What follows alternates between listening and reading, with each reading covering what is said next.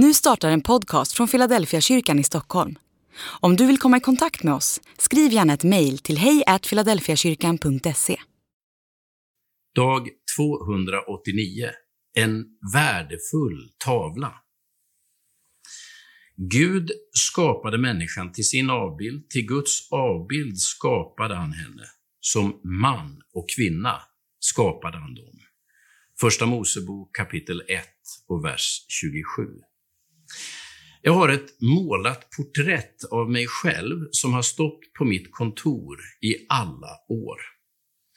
Det syns tydligt att det är jag på bilden. Jag har glasögon, mina ögon är bruna och frisyren är min. Porträttet är nästan 20 år gammalt och det är ritat på ett vanligt A4-papper med vaxkritor. Om jag skulle ta det till en auktion eller försöka få det värderat så gissar jag att det mest värdefulla skulle vara själva ramen som porträttet sitter i. Bilden i sig är inte uppseendeväckande eller unik.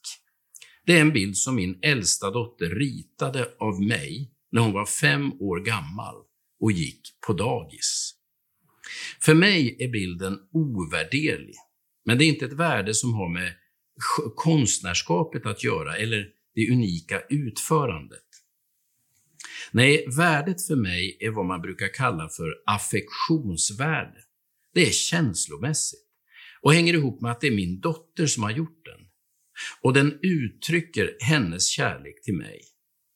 Värdet på bilden finns inte i själva bilden, utan i mina ögon och i mitt hjärta.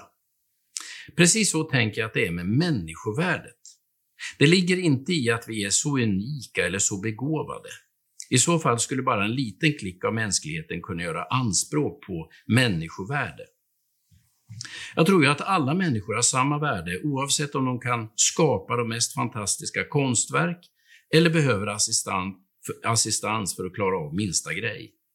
Människovärdet ligger inte i människan själv, utan hos Gud. Vårt värde bestäms inte av vad vi kan eller inte kan, utan av hur Gud ser på oss.